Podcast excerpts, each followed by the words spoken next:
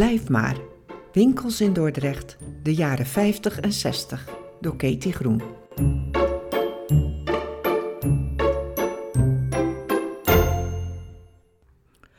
De jongste schoenhandelaar van Nederland.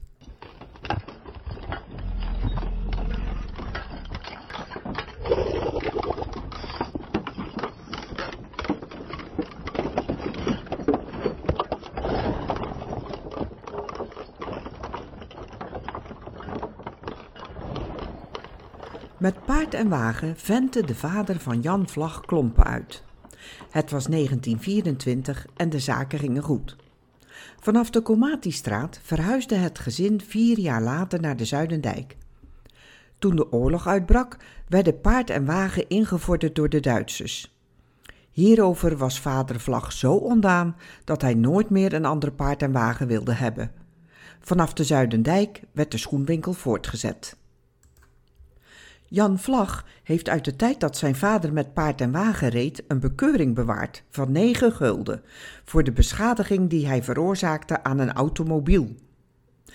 Het was 1954 toen mijn vader plotseling overleed, vertelt Jan Vlag. Mijn moeder bleef achter met vijf kinderen.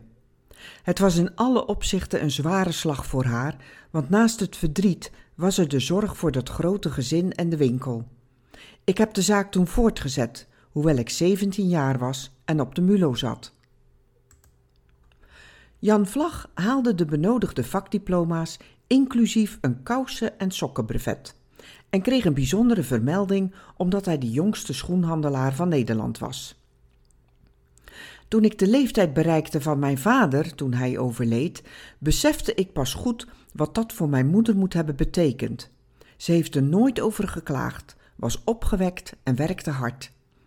Achteraf gezien denk ik dat het leven voor haar niet altijd gemakkelijk was en ik heb grote bewondering voor haar. Niet alleen voor de manier waarop zij in het leven stond, maar ook hoe zij alleen vijf kinderen opvoedde. De schoenwinkel van Vlag voorzag de hele omgeving rondom de Zuidendijk van schoenen. Ook vanuit andere wijken wisten mensen de winkel te vinden. We waren van huis uit gereformeerd en ik herinner me dat predikanten ook uit andere wijken bij ons schoenen kwamen kopen. Ze vonden het erg dat mijn moeder zo jong weduwe was geworden en lieten haar niet vallen. In 1963 opende Jan Vlag een winkel op de hoek van de Brouwersdijk en de Breitenstraat. De zaak op de Zuidendijk bleef ook open en werd gerund door zijn moeder. Jan was inmiddels getrouwd met Riet en samen maakten ze van de nieuwe winkel een succes. Niet alleen mensen uit Kruspijn kwamen er schoenen kopen, ook in de regio stond de winkel van Vlag bekend om kwaliteitsschoenen. De betere schoenen, ook voor moeilijke voeten, vonden gretig aftrek. Toen de winkel aan de Zuidendijk in 1971 sloot, was dat voor Jan en Riet in één opzicht een opluchting.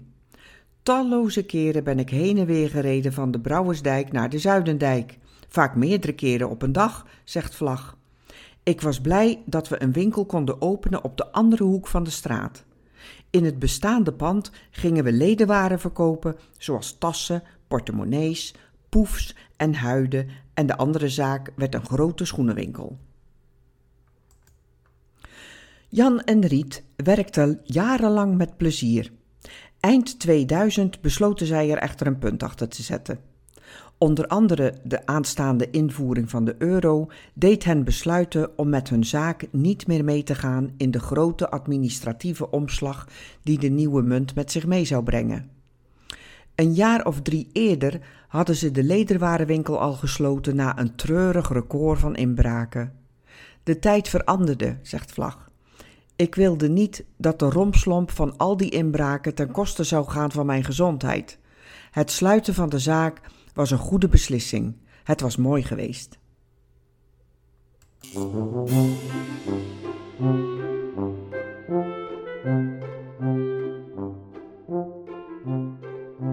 Aan anekdotes uit de winkel ontbreekt het niet. Jan en Riet Vlag brengen nog regelmatig belevenissen bij elkaar in herinnering.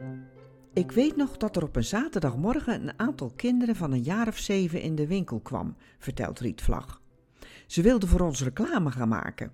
De ene had een trommeltje, de ander een toeter en weer een paar anderen wilden met een spandoek gaan lopen. Wij vonden het goed. De kinderen vroegen wat er op het spandoek moest komen.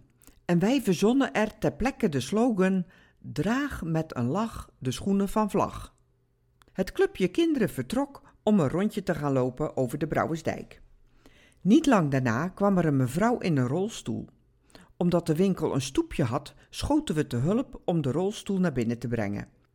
De mevrouw was niet een van de lichtste, en met uiterste krachtinspanning en veel gekreun tilden we de rolstoel op en zetten haar binnen. Zodra de wielen op het tapijt stonden, stapte ze eruit om op haar gemak een eindje verder in de winkel een paar schoenen eens van dichtbij te gaan bekijken. Op datzelfde moment kwam er een man binnen die zojuist, waarschijnlijk bij de spijkerton aan de overkant, een grote ragenbol had gekocht. De bol zat aan een lange stok die hij vervaarlijk heen en weer zwaaide, waardoor we allemaal moesten bukken als hij zich omdraaide.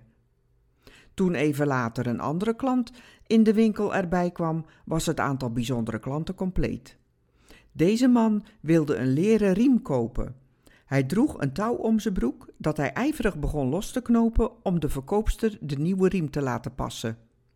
Op het moment dat het touw los was, zakte zijn broek op zijn enkels en in een snelle beweging hees de verkoopster de broek weer omhoog, als bij een kind. We overzagen de merkwaardige klanten in de winkel op dat moment, waarop mijn man zei: Dat spandoek van die kinderen heeft wel zijn goed zijn werk gedaan. Er stond immers op: Draag met een lach de schoenen van vlag.